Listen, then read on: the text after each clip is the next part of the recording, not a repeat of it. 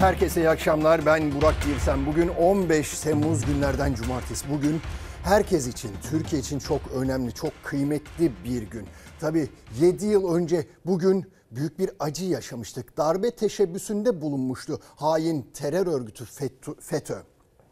Ancak o girişim bertaraf edildi. Türk milleti o girişim bertaraf etti. Ne yazık ki 251 şehit verdik. Maalesef 251 şehit verdik ama devletimizi, milletimizi, bu vatanı terör örgütüne o gece teslim etmedik. Bu yurttaşlar, bu memleketin yurttaşları canlarını ortaya koydular. Cumhuriyetlerini, layık cumhuriyeti, demokrasiyi, özgürlüklerini bu vatan toprağını savundular ve FETÖ'cü terör örgütüne geçit vermediler o gün. Elbette sadece yurttaşlar değil, kamu kurumları, bizler gazeteciler, TV kanalları da o gün bir duruş sergiledi. Mesela bu kanalda darbe bildirisi okunmadı, okutturulmadı. Herkes üzerine düşen vazifeyi en iyi şekilde yaptı. Yurttaşlık bilinciyle, vatan sevgisiyle yaptı. Bizler de onlardan biriydik. Sizler de onlardan biriydiniz ve bugün FETÖ'cü terör örgütünün darbe girişiminin 7. yıl dönümü.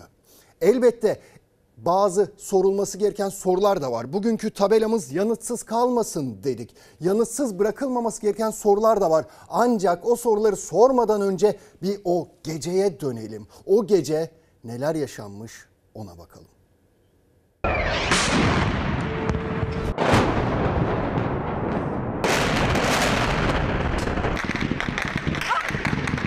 Şu anda kalabalığın üzerine ateş açılıyor. Şu anda.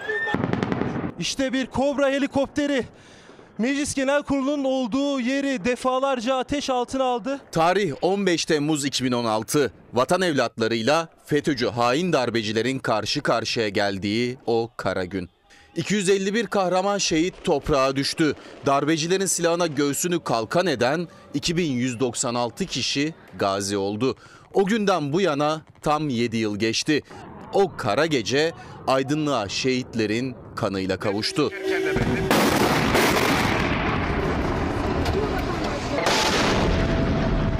Fethullahçı terör örgütü hain planları için gece yarısı 3'ü seçmişti. Bir binbaşının ihbarıyla plan tutmadı. Karargahta hareketlilik arttı. Saat 20.22'de darbe girişimi genel kurmayda duyulan silah sesleriyle başladı. O silahları! Aynı saatlerde İstanbul'da tanklar köprüleri kapattı. Ellerinde bayrakla darbecilerin karşısına dikilenler canları pahasına savundular demokrasiyi. Hainler sivillere kurşun yağdırdı. 34 kişi o günkü adıyla Boğaziçi Köprüsü'nde şehit oldu. Ateşlerin sıklığı arttı. Ankara'da darbeci hainlerin öncelikli hedeflerinin arasında Gölbaşı'ndaki Özel Harekat Daire Başkanlığı vardı. 51 polis şehit oldu. Milli egemenliğin sembolü Türkiye Büyük Millet Meclisi de Ankara'daki hedefler arasındaydı. Üç kez bombalandı meclis. Darbe girişiminin seyrinin değiştiği yerse Özel Kuvvetler Komutanlığı'ydı. Kahraman Ömer Halis Demir dimdik yürüdü darbecilerin üzerine. Şehadeti kesindi ama o bir an bile tereddüt etmedi. Darbeci general Semih Terzi'yi vurdu. Televizyon kanalları işgal edildi, yayınlar kesilmek istendi. Darbeciler devletin kanalı TRT'de korsan bildiri okuttu. Türk Silahlı Kuvvetleri yönetime el koymuştur. Milletimizi illerimizin meydanlarına davet ediyorum. Kısa süre sonra Cumhurbaşkanı Erdoğan Marmaris'te kaldığı otelden cep telefonuyla canlı yayına bağlandı. Çok geçmeden de İstanbul'a doğru uçakla yola çıktı. O anlarda ise en kritik noktaların başında Atatürk Havalimanı geliyordu. Giriş çıkışları tanklar kapattı, kule işgal edilmek istendi. Darbeci hainlerin karşısında yine siviller vardı. Şu anda kalabalığın üzerine ateş açılıyor. Şu anda. Darbeciler halkın iradesine karşı koyamadı. 21 saatin sonunda darbe girişimi kontrol altına alındı. Evet Allah bir daha göstermesin böyle şeyler ama dikkatli olmamız gerekiyor. Önceden önlem almamız ya da bazı şeyleri yapmamamız gerekiyor. İşi bu noktaya getirilmemesi gerekiyor. İşte terör örgütü FETÖ dün herkesle kol kolaydı, iç içeydi. Devletin en mahrem noktalarına kadar girdiler. En mahrem yerlerine kadar sızdılar. İnsanlara güven verdiler, yönetenlere güven verdiler ve sonrasında da bu hain darbe kalkışmasını gerçekleştirdiler. Neyse ki bu millet, bu devlet ona geçit vermedi. Ama bir daha olmaması için de geçmişten ders almamız gerekiyor. Geçmişte yaptığımız hataları yapmamamız gerekiyor. Çok değil aslında soru şu. Atatürk ne söyledi, ne yaptı? Sadece buna biraz kulak verirsek veya geçmişi biraz irdelersek hani tükaka demeyip de bu memleketi kuran, bu cumhuriyeti kuran ulu öndere kulak verirsek aslında bunlar başımıza gelmez. Bundan sonrası için de bunları söylemek gerekiyor. Mesela Ulu Önder Atatürk'ün 17 Aralık 1927 tarihli bir konuşması var. Mecliste yaptığı bir konuşma şöyle diyor kendisi. Efendiler biz tekke ve zaviyeleri din düşmanı olduğumuz için değil, bilakis bu tip yapılar din ve devlet düşmanı olduğu, Selçuklu ve Osmanlı'yı bu yüzden batırdığı için yasakladık. Çok değil, 100 yıla kalmadan eğer bu sözlerime dikkat etmezseniz göreceksiniz ki bazı kişiler bazı cemaatlerle bir araya gelecek, bizlerin din, din düşmanı olduğunu öne sürerek sizlerin oyunu alarak başa geçecek. Ama sıra devleti bölüşmeye geldiğinde birbirlerine düşecekler. Ayrıca unutmayın ki o gün geldiğinde her bir taraf diğerini dinsizlikle suçlamaktan geri kalmayacak.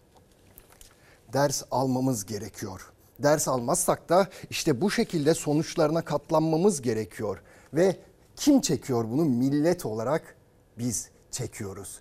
İnşallah böyle şeyler bir daha başımıza gelmez. Böyle hain girişimler bir daha başımıza gelmez. 15 Temmuz darbesinin 7. yılı bugün ve Türkiye'nin dört bir yanında anma törenleri vardı.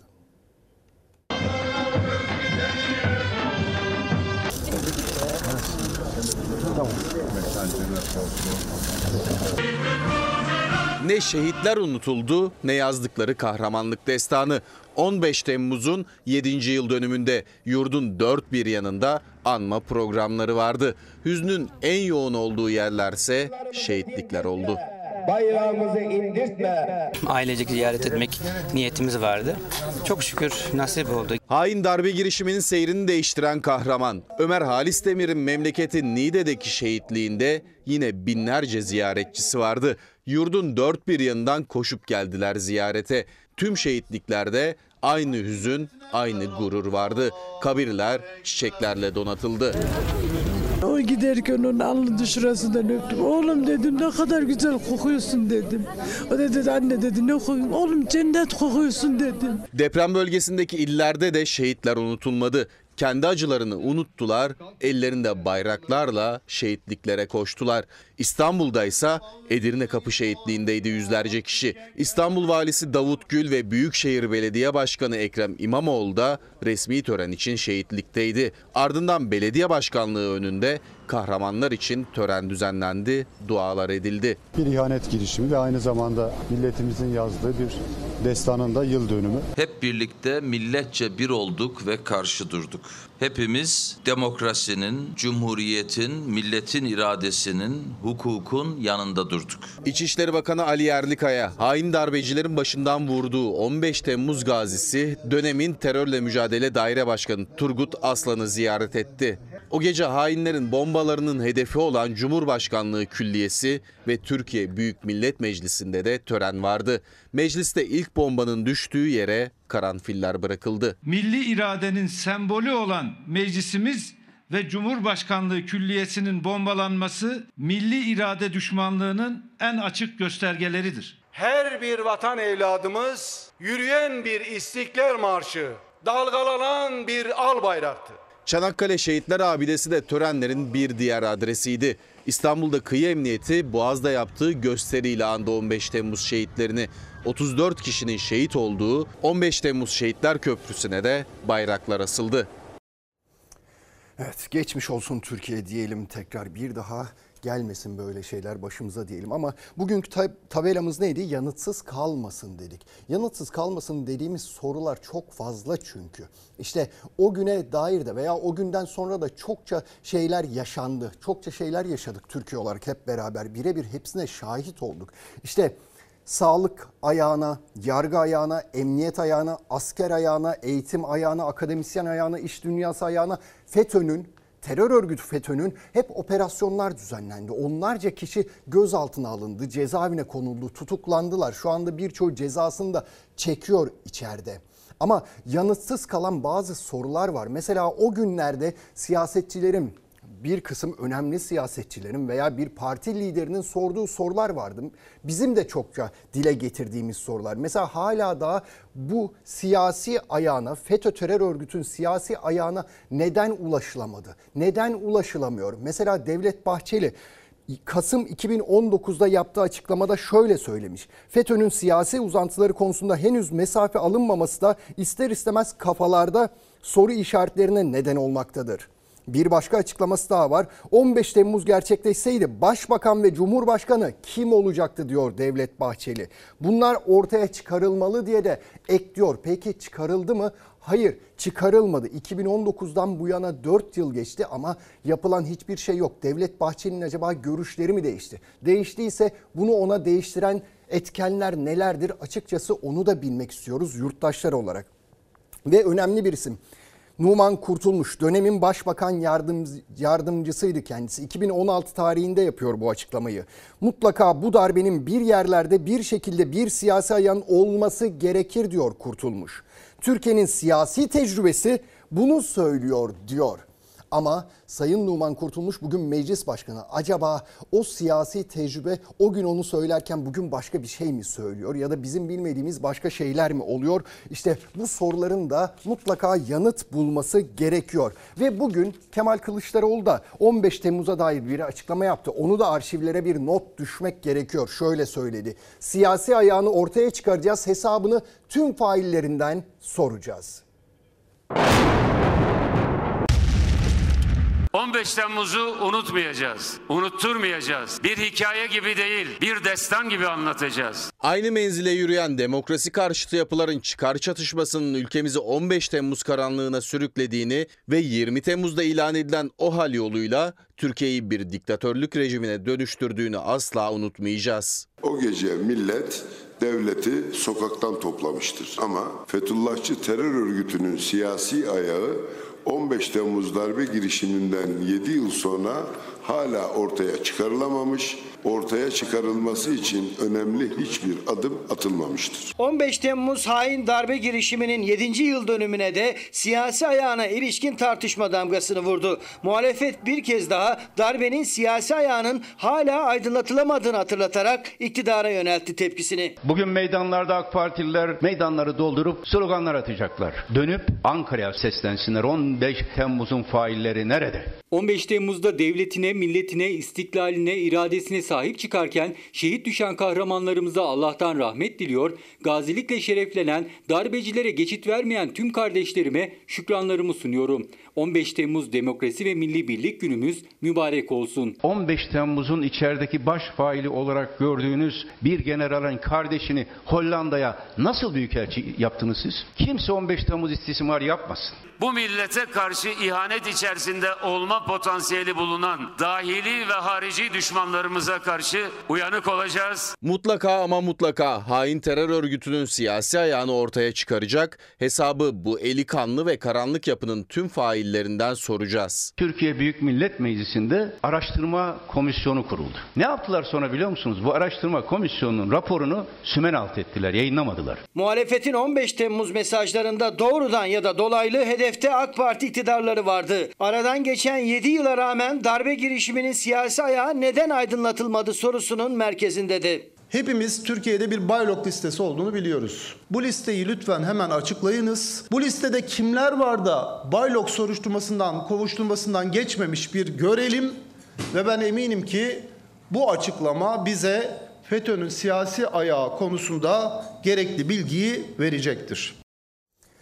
Evet devletin en kritik noktalarına kadar sızmışlar ama işte görüyorsunuz siyasilerin açıklamaları da hep o yönde. En yakınları bir FETÖ'cü cezaevinde ama onun kardeşi veya abisi tutuyor siyasi iktidar tarafından başka bir yere atanabiliyor. Başka bir görev veriliyor bu hükümette kendisine. O zaman işte insanın aklına binlerce soru geliyor. O soruların da yanıtsız kalmamasını istiyoruz yurttaşlar olarak biz. Ahmet Hoca yazmış şöyle demiş. Peki neden araştırılmasına izin verilmiyor? Kim bu durumdan fayda sağladı? Peki siz ne kadar araştırdınız vesaire demiş. İşte biz de araştırıyoruz veya sorguluyoruz. Sizlerle paylaşıyoruz bu durumu. Neler olup bittiğini açıkçası ama kim neden araştırılmasına izin vermiyor, neden önünde duruyor onu pek bilmiyoruz. Şimdi gelelim siyasetin bir başka konusuna. CHP'nin iç meselesi. Değişim bayrağı estiriyordu. Kim? Ekrem İmamoğlu. İstanbul Büyükşehir Belediye Başkanı Ekrem İmamoğlu. Şimdi bir taraf değişim diyor, bir tarafta bugün ne dedi? Yenilenme dedi. Peki sormamız gerekiyor. CHP'nin ihtiyacı değişim mi, yenilenme mi? Değişimin önünü sonuna kadar açacağım. CHP'de değişime değil yenilenmeye ihtiyaç var. Nedir yenilenme? Örneğin parti tüzüğünün değişmesi lazım. Bunun için de zaten çalışıyoruz. Gerçekten örgütün de çok mutlu olacağı güzel değişiklikler yapacağız ve hayata geçireceğiz. Değişim söylemini yenilenme olarak değiştirdi Kemal Kılıçdaroğlu. Seçim sonuçları üzerinden kendisine yapılan eleştirilerle ilgili de konuştu. Kılıçdaroğlu çalışmadı diyorlarsa onu bana açıklamaları lazım. Öyle bir şey ki bunu söyleyen arkadaşlar yenilgiyi içselleştirmişler ve her seçim sonrası bir yenilgi yaşadık diye bir atmosfer içinde düşünüyorlar. Garibiz yani. Kaptan olarak gemiyi limana sağlam götüreceğimi herkes bilsin. Sözcü gazetesinden Saygı Öztürk'e konuşan CHP lideri bir kez daha yola devam mesajı verdi. CHP listelerinden seçime giren Deva, Gelecek ve Saadet partilerine fazla vekil verildiği yönündeki yorumlara karşı çıktı. Bu sığ bir anlayış. Eğer siz sorunu getirip de bir partinin kendi listelerinden alacağı milletvekili sayısına indirgerseniz Türkiye'nin yaşadığı sorunu kavrayamıyorsunuz veya ön yargıyla yaklaşıyorsunuz demektir. Kendi çalışmalarında Saadet, Gelecek ve Deva'nın toplam milletvekili sayısına artı 32 tane katkıda bulunduğunu söylediler bize. CHP listesinden 15 vekil çıkaran Deva Partisi Genel Başkanı Ali Babacan da ortak liste talebi CHP'den geldi dedi. Deva Partisi'nin %25'lik oy oranına katkı sunduğunu söyledi. Bizim adayımızın olduğu illerde CHP'nin oylarında ortalama 2,5'un daha üzerinde artış var. Evet bir de şu haberi paylaşalım sizlerle. Gittiler dedik. Kimler gitti peki? İsmail Çataklı. Kendisini tanıyorsunuz aslında. Meclisteki komisyonda hararetle bir tartışma vardı. Terör örgütüyle ilgili bir tartışma vardı ama kendisinin pek umurunda değildi. Gevrek yiyordu o sırada. Yani simit yiyordu. Hiç bakın oralı olmuyor. Karnını doyuruyor onunla meşgul. Yani ne konuşursanız konuşun diyordu. Ve eski İçişleri Bakan Yardımcısı şimdi mülkiye baş müfettişi oldu. Hani baş müfettişi olduğunu söylüyoruz da atanmış veya işte kıdemini arttırmış gibi görünmesin. Aslında kızağa alındı kendisi. Ve bir başka isim o noktada. Mahmut Çuhadar eski Adıyaman valisi. Onu da nereden tanıyoruz? Adıyamanlı yurttaşlar, depremzedeler kendi seslerini duyurmaya çalışıyorlardı. Validen talepleri vardı. Onu iletmeye çalışıyorlardı ama vali işte şurada gördüğünüz gibi depremzedelere sırıtıyordu. Ama son gülen başkaları oldu. Kendisi de mülkiye baş müfettişi oldu ama İsmail Çataklı ile ilgili bir detay daha var. Şimdi bugün 15 Temmuz yıl dönümü ya. Kendisinin kardeşi FETÖ'den aranıyor Osman Çataklı ve henüz yakalanabilmiş, bulunabilmiş değil. İşte bu soruların, bu ilişki ağının çözülmesi gerekiyor. Bir anlamda da yanıt bulması gereken sorular dediğimizde bunlar oluyor. Şimdi biraz ekonomi diyelim. Ekonomi diyelim. İki meclis getireceğiz ekranlarınıza. Biri Türkiye Büyük Millet Meclisi, diğeri de Ankara Büyükşehir Belediye Meclisi. İki mecliste farklı şeyler karara bağlandı. Nedir mesela? Türkiye Büyük Millet Meclisi'nde 1 trilyon 191 milyar liralık ek bütçe AK Parti ve MHP'nin oylarıyla geçti. Ama Ankara Büyükşehir Belediye Meclisi'ne geldiğin zaman 4 milyar liralık bütçe bakın. Sadece 4 milyar liralık bütçe Ankaralı için kullanılacaktı ama AK Parti ile MHP reddetti. Kabul 275, red 104. Kabul edenler etmeyenler oy çokluğuyla reddedilmiştir askerin kredisi. İktidarın depremi de gerekçe göstererek getirdiği 1 trilyon 191 milyar liralık ek bütçe mecliste AK Parti ve MHP oylarıyla kabul edilirken aynı dakikalarda Ankara Büyükşehir Belediyesi'nin 4 milyar liralık kredi talebi AK Parti ve MHP oylarıyla reddedildi. Merkezi yönetimde ek bütçe yapıyor. Gerektiğinde o da kredi kullanıyor. Yüksek enflasyon, özellikle Şubat ayında yaşadığımız asrın felaketi 2023 yılı bütçemizde revizyona gitme gerekliliği oluşmuştur. Kanun teklifi meclisimizde kabul edilmiştir. Çok öngörülü bir konuşma yaptınız. Teklif daha kabul edilmeden kabul edileceğini bildiniz. Cumhurbaşkanı Yardımcısı Cevdet Yılmaz'ın öngördüğü gibi ek bütçe AK Parti ve MHP oylarıyla kabul edildi. Bir gün önce de Cumhurbaşkanı Erdoğan'a 3 kat borçlanma etkisi veren torba kanun meclisten geçmişti. Ankara Büyükşehir Belediyesi de dış kaynaklı 4 milyar lira borçlanma için kredi talebini belediye meclisine sundu. Aciliyeti olan yatırımlar, deprem harcamaları ve EYT kaynaklı kıdem tazminatları için. Sayın Cumhurbaşkanımız ben bu EYT'yi çıkarmayacağım dedi. İyi, biz nasıl öngörelim? Biz bu bütçeye belediyenin parasıyla Ümre'ye falan gitmek için istemiyoruz. Depremde neredeyse Ankara Büyükşehir Belediyesi 600 milyon civarı para harcadı. Asgari ücretlerde iki kere artış oldu. Bir de yatırımlar var. Bunları yapılabilmesi için de bu kredilerin onaylanması lazım. Ankara Büyükşehir Belediyesi'ndeki imar rantları nereye gitti? Bu dört buçuk yılda. İmar konularında artışları yapma yetkisi nerede? Ankara Büyükşehir Belediye Meclisi'nde. Ben burada dört buçuk yıldır böyle bir imar rantı görmedim. Siz de görmediyseniz imar rantları nereye gitti diye neden soruyorsunuz? Ahlaksızlığın tam da kendisidir bu, bu tarz konuşmak. Varsa yoksa kredi, varsa yoksa borç. Ankara Büyükşehir Belediyesi'nin kredi talebine karşı çıkan AK Partili Murat Köse'nin başkanlığını yaptığı Mamak Belediye Meclisi 3 ay önce krediyle borçlanma kararı aldı. Yatırım ve EYT düzenlemesinden kaynaklı kıdem tazminatları için. Ama Büyükşehir'in aynı gerekçelerle 4 yıla ödemesiz 12 yıl vadeli dış kaynaklı borçlanma talebine Köse ve başında olduğu AK Parti grubuyla MHP hayır dedi. Kredi teklifinin kabulü ya da reddi maaş artış oranlarını etkileyecektir. Borçlanma teklifinin belediye meclisinde görüşülmesinden hemen önce Ankara Büyükşehir Belediye Başkanı Mansur Yavaş belediye personeline bir mesaj gönderdi.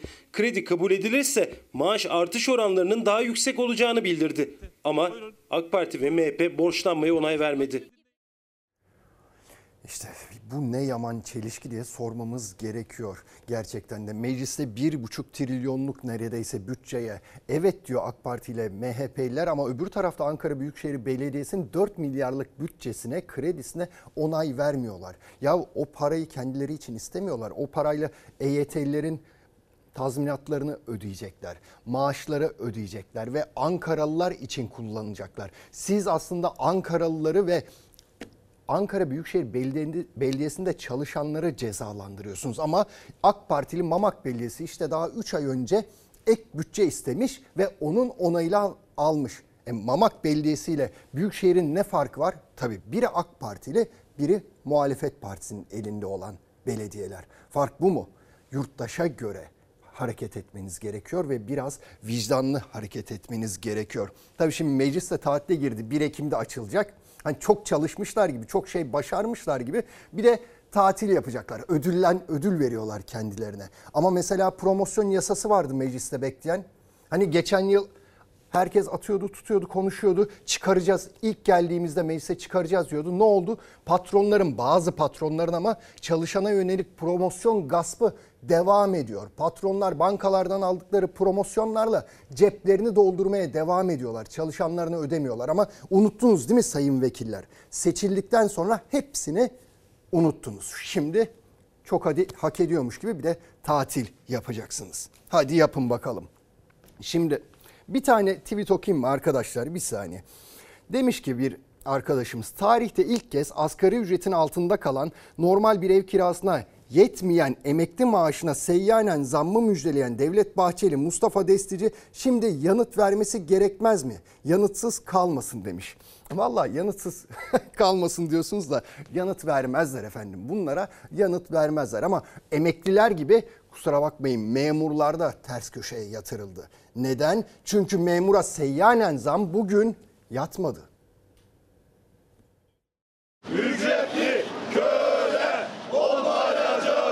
Bana yatan maaş miktarı 17.672 lira. Sadece bir aylık maaş e, zamı yatmış, seyyanen yatmadı. Memurlara son 6 ay için verilecek seyyanen zammı düzenleyen 28. maddenin yürürlük tarihi ise 15 Temmuz olarak belirlendiğinden 3777 TL'lik seyyanen zam memurlara hiç ödenmeyecek. Memura 8077 liralık seyyanen zam resmi gazetede yayınlandı ama henüz memurların hesaplarına yatmadı. O fark önümüzdeki günlerde ödenecek ama yasa 15 Temmuz'da yürürlüğe girdiği için 1-14 Temmuz arasındaki 3777 liralık farkı alamayacak memur. 2023 yılının son 6 ayı için verilen seyyanen zam maalesef 5,5 aylık olarak ödenecek. 14 günlük kısım hiç ödenmeyecek. Bahsedilen 8 bin lira henüz maaşlara bu ay yatmadı. Memurlara yapılan enflasyon farkı zammı 1 Temmuz'dan geçerli ama 8077 liralık seyyanen zam 15 Temmuz itibariyle yürürlüğe girdi.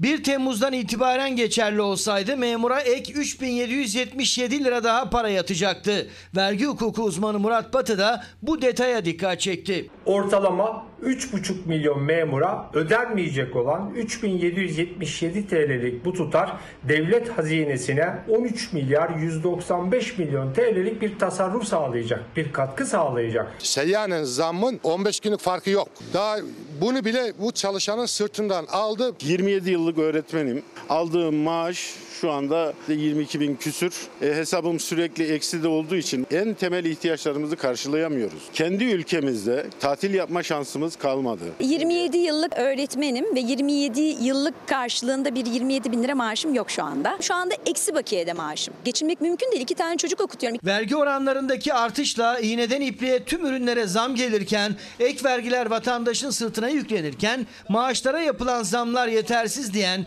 seyyanen zammı henüz göremeyen memurlar Ankara'da eylem yaptı, bordro yaktı. 41 yıllık bir öğretmen olarak 16.565 lira 16 kuruş benim şu anda 15 Temmuz'daki resmi maaşım. Geçen ayla bu ayı kıyasladığımızda 2472 lira 25 kuruşluk ay itibariyle maaşımda oluşan artıştır. 33 yıllık memur olmama rağmen 19 bin lira yatmış hesaba. Bununla ay başı nasıl gelir, ne yaparız, nasıl ederiz onu düşünüyoruz. Zam yağmuru geliyor, şemsiyelerimizi açıyoruz. Kök aylığı yapılan bu zam artışı sonrasında emekli aylığı 7500 liranın altında kalanlar yine aynı parayı almaya devam edeceklerdir. Sadece %25 zam alan emekliler de iktidara tepkili. %25'lik zam kök maaşa yapıldığı için 6 bin lira ve altında kök maaşı olanların aylıkları hiç değişmedi. 7500 lirada kaldı. Bizlerin zaten açlık sınırı altında sürmekte olan yaşam koşullarımızın bu sözde maaş artışı oranları ile tam bir yoksulluk ve sefaletin içerisine itildiğimizin bir göstergesi olmuştur. İşte biz bunu daha önce de izlemiştik değil mi? Emekli zamları yapıldığında izlemiştik. %25 zam yapmışlardı ama 10 milyona yakın emekliye zam falan yapılmadı. Ha 300-500 lira yapılanlar var ekstra. Onları saymıyorum. Onlarla beraber işte 10 milyon emekli açıkta kaldı. Zamsız kaldılar. Ama kendilerine gelince zam yapıyorlar. Milletvekili emeklilerine 14 bin lira zam yaptılar. Ama memur emeklisine zam yok. 7500 lira almaya devam edecekler. Ya da memura gelince 4 bin liralık seyyanen zammı esirgiyebiliyorlar. Eğer 1 Temmuz'dan itibaren yasa yürürlüğe girseydi siz 4 bin lirayı cebinize koyacaktınız. Ama o 4 bin liraya neye mal oluyor biliyor musunuz? 3,5 milyon memur var. Devlet 13 milyar 195 milyon lira tasarruf sağladı. 13 milyar lira tasarruf etti sizin cebinizden aldığı parayla. Ve bunlar ayrıca size ek vergiler olarak da geri döndü.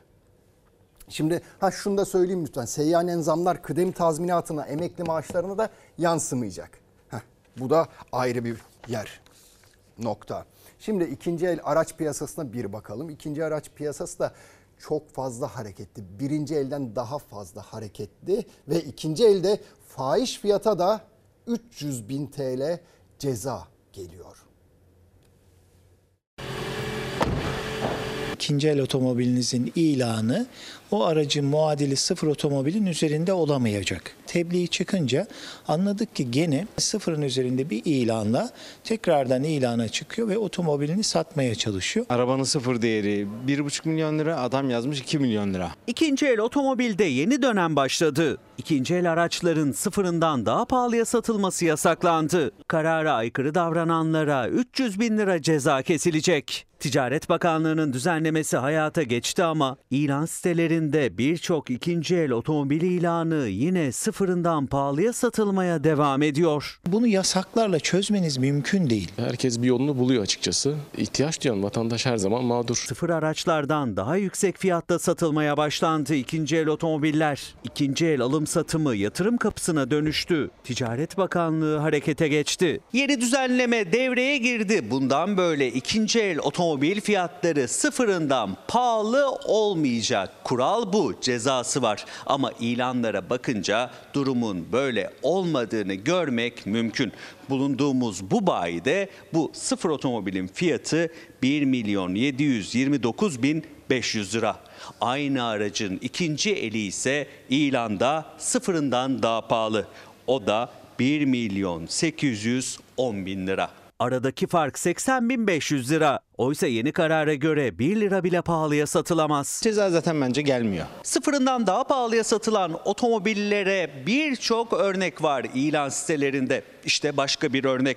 Normalde liste fiyatı 1 milyon 159 bin 150 lira. İlan sitesinde ise aynı otomobilin 2022 modeli 1 milyon 175 bin liraya satılıyor. Ülkemizdeki denetimsizlik, başıboşluk maalesef bu süreci kontrol edilmesinin önüne geçiyor. Ticaret Bakan Yardımcısı Mahmut Gürcan, otomobil satışında yaptığı hileleri övünerek anlatan, bunu da sosyal medya sitelerinde paylaşan bir kişiyi tespit ettiklerini duyurdu. Bakan Yardımcısı o videoları paylaştı. Bakalım kaç para kazanacak? Anlaştık.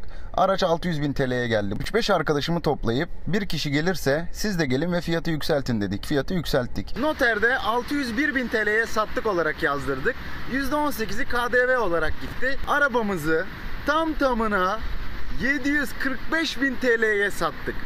Yani cebimize kalan 144 bin lira. MM isimli kişinin bir yılda 17 araç sattığı tespit edildi. Anlattığı kazanç da ortada. Bakan yardımcısı 300 bin lira ceza kesildiğini duyurdu. Ancak ceza haksız kazancın önüne geçebilecek mi? Zaman gösterecek. Cezayı umursamıyor çünkü adam oradaki yapacağı kar, cezayı misli misli zaten karşılıyor. Kanunun yaptırım gücü çok ciddi olacak. Hissedecek herkes ki bir şey yaparken iki kere düşünmek zorunda kalacaklar.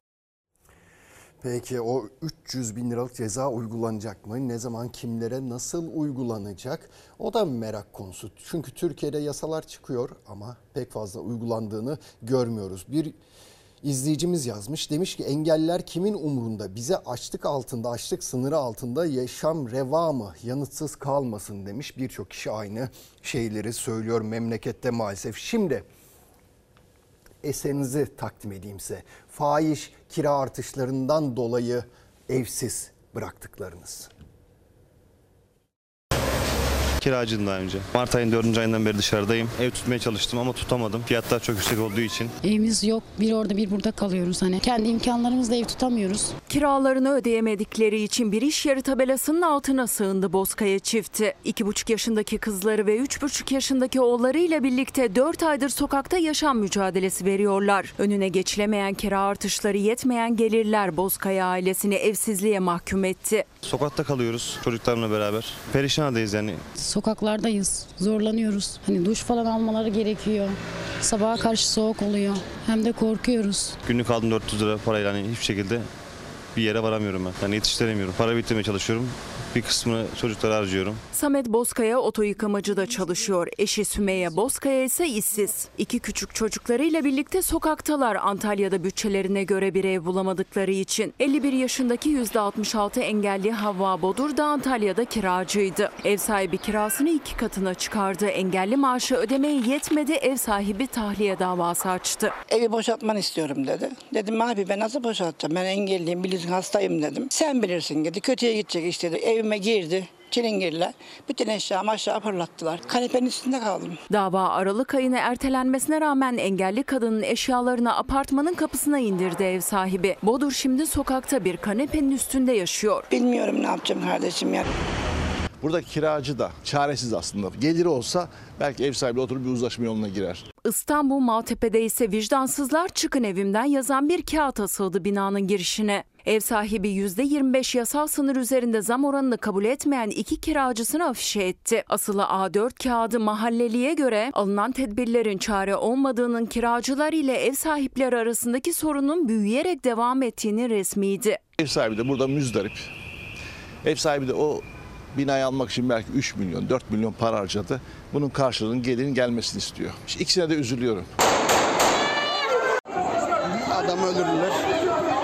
Mersin'in Toroslar ilçesinde de gerginlik kavgaya dönüştü. 52 yaşındaki ev sahibi İdris Özmen tartıştığı kiracısı AB tarafından sokak ortasında tabancayla vuruldu. Ev sahibi kiracı anlaşmazlığı ölümle son buldu. Adam orada yatıyor. Beyler burada cinayet işlendi polise saldırıyor.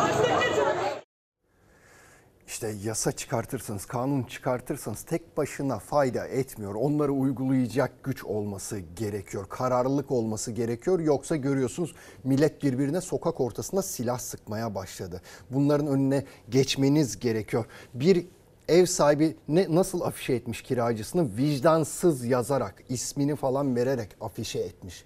Ya ayıp, günahtır. Peki o kiracılar mı vicdansız? Ya 7500 lira emekli ücreti alıyorsa, emekli maaşı alıyorsa ne yapsın? Ne kadar zam yapabilir? Vicdansız o mu yoksa onları bu hale düşüren yöneticiler mi? Onu sormak gerekiyor. Şimdi havalar epeyce ısınmaya başladı. Osmaniye'ye gideceğiz. Osmaniye'de de mevsimlik işçiler çalışıyor.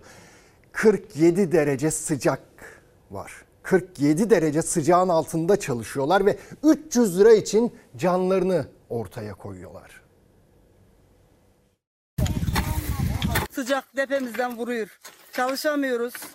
Çok zor. Bütün arkadaşlarımız sıcağın altında çalışıyoruz. 40 derecenin altında çalışıyoruz.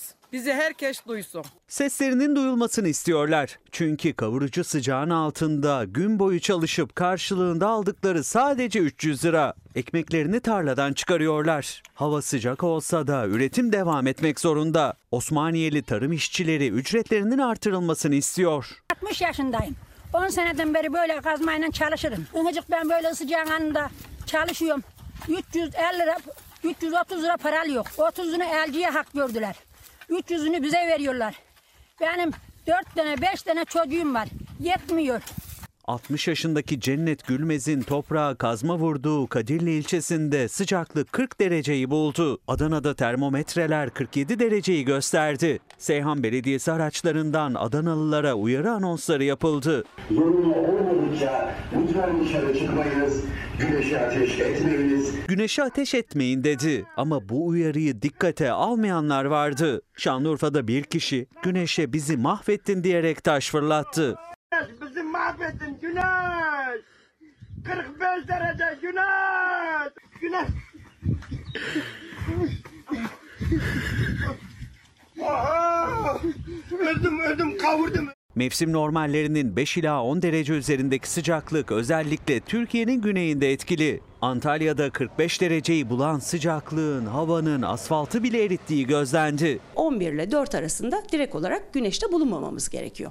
Ama bu tabii ki her zaman mümkün olmayabilir. Üzerimize bir gölge gelecek şekilde yani bir ağaç altı olabilir, şemsiye altı olabilir. Balıkesir Edremit'te çöl sıcakları nedeniyle bunalan esnaf sokakların üzerini gölge olsun diye zeytin brandalarıyla kapattı. Aydın'da 40 dereceyi buldu sıcaklık. Yerli ve yabancı turistler kendilerini plajlara attı. İstanbul içinse daha sıcak olacak uyarısı geldi. Sıcaklıkların an be an takip edildiği Kandilli Rasathanesi 22-23 Temmuz tarihlerinde sıcaklıklarda artış olacağını vurguladı. Önümüzdeki hafta ayın 22'si 23'ü gibi tekrar sıcaklıklarda bir artış gözüyoruz. Ee, orada da yine sıcaklık rekorları ya da egaleleri aynı sıcaklık değerlerinin tekrarları e, görülebilir. Şimdi sizi Giresun'un Çavuşlu köyüne götüreceğim. Orada bir çöp arıtma tesisi kuruldu ama çöpün suları, orada arıtılan çöplerin suları köydeki köyden geçen nehre karışıyor. Açıkçası o arıtma tesisinin sahipleri kimdir nedir bilmiyorum ama bu gücü bu cesareti kimden buluyorlar onu da bilemiyorum. Ancak dört kez davayı kaybetmelerine rağmen hukuku tanımıyorlar. Bugün günlerden 11 Temmuz Salı. 12 Temmuz Çarşamba. Evet bugün 14 Temmuz Cuma. Çavuş Sokak nöbeti kararlılıkla devam ediyor. Sağnak vurdu, yılmadılar. Kavurucu sıcaklar geldi, ayrılmadılar. Günlerdir nöbetteler. Bölgedeki çöp tesisinin kapatılması için tam dört kez dava açtılar. Dördünü de kazandılar. Ama tesis hala faaliyette. Giresun Çavuşlu halkı bölgedeki katı atık bertaraf tesisinin hukuku hiçe saydığını savunarak nöbet başlattı. Bugün günlerden 15 Temmuz Cumartesi. Burada çöp nöbetinin 6. günündeyiz. Çavuşlu halkının katı atık bertaraf tesisiyle mücadelesi 13 yıl önce başladı.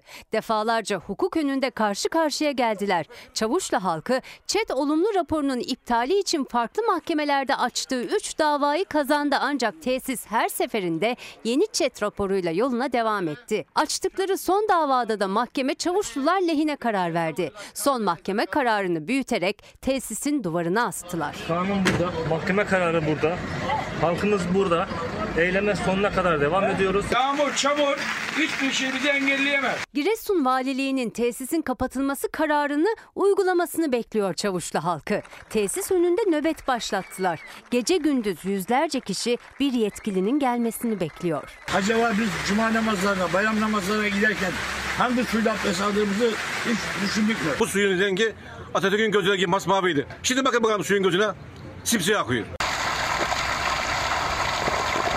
Tesis dereye resmen bu elimde görmüş olduğunuz zehirli suları akıtıyor ve deremizi bizleri zehirlemeye devam ediyor.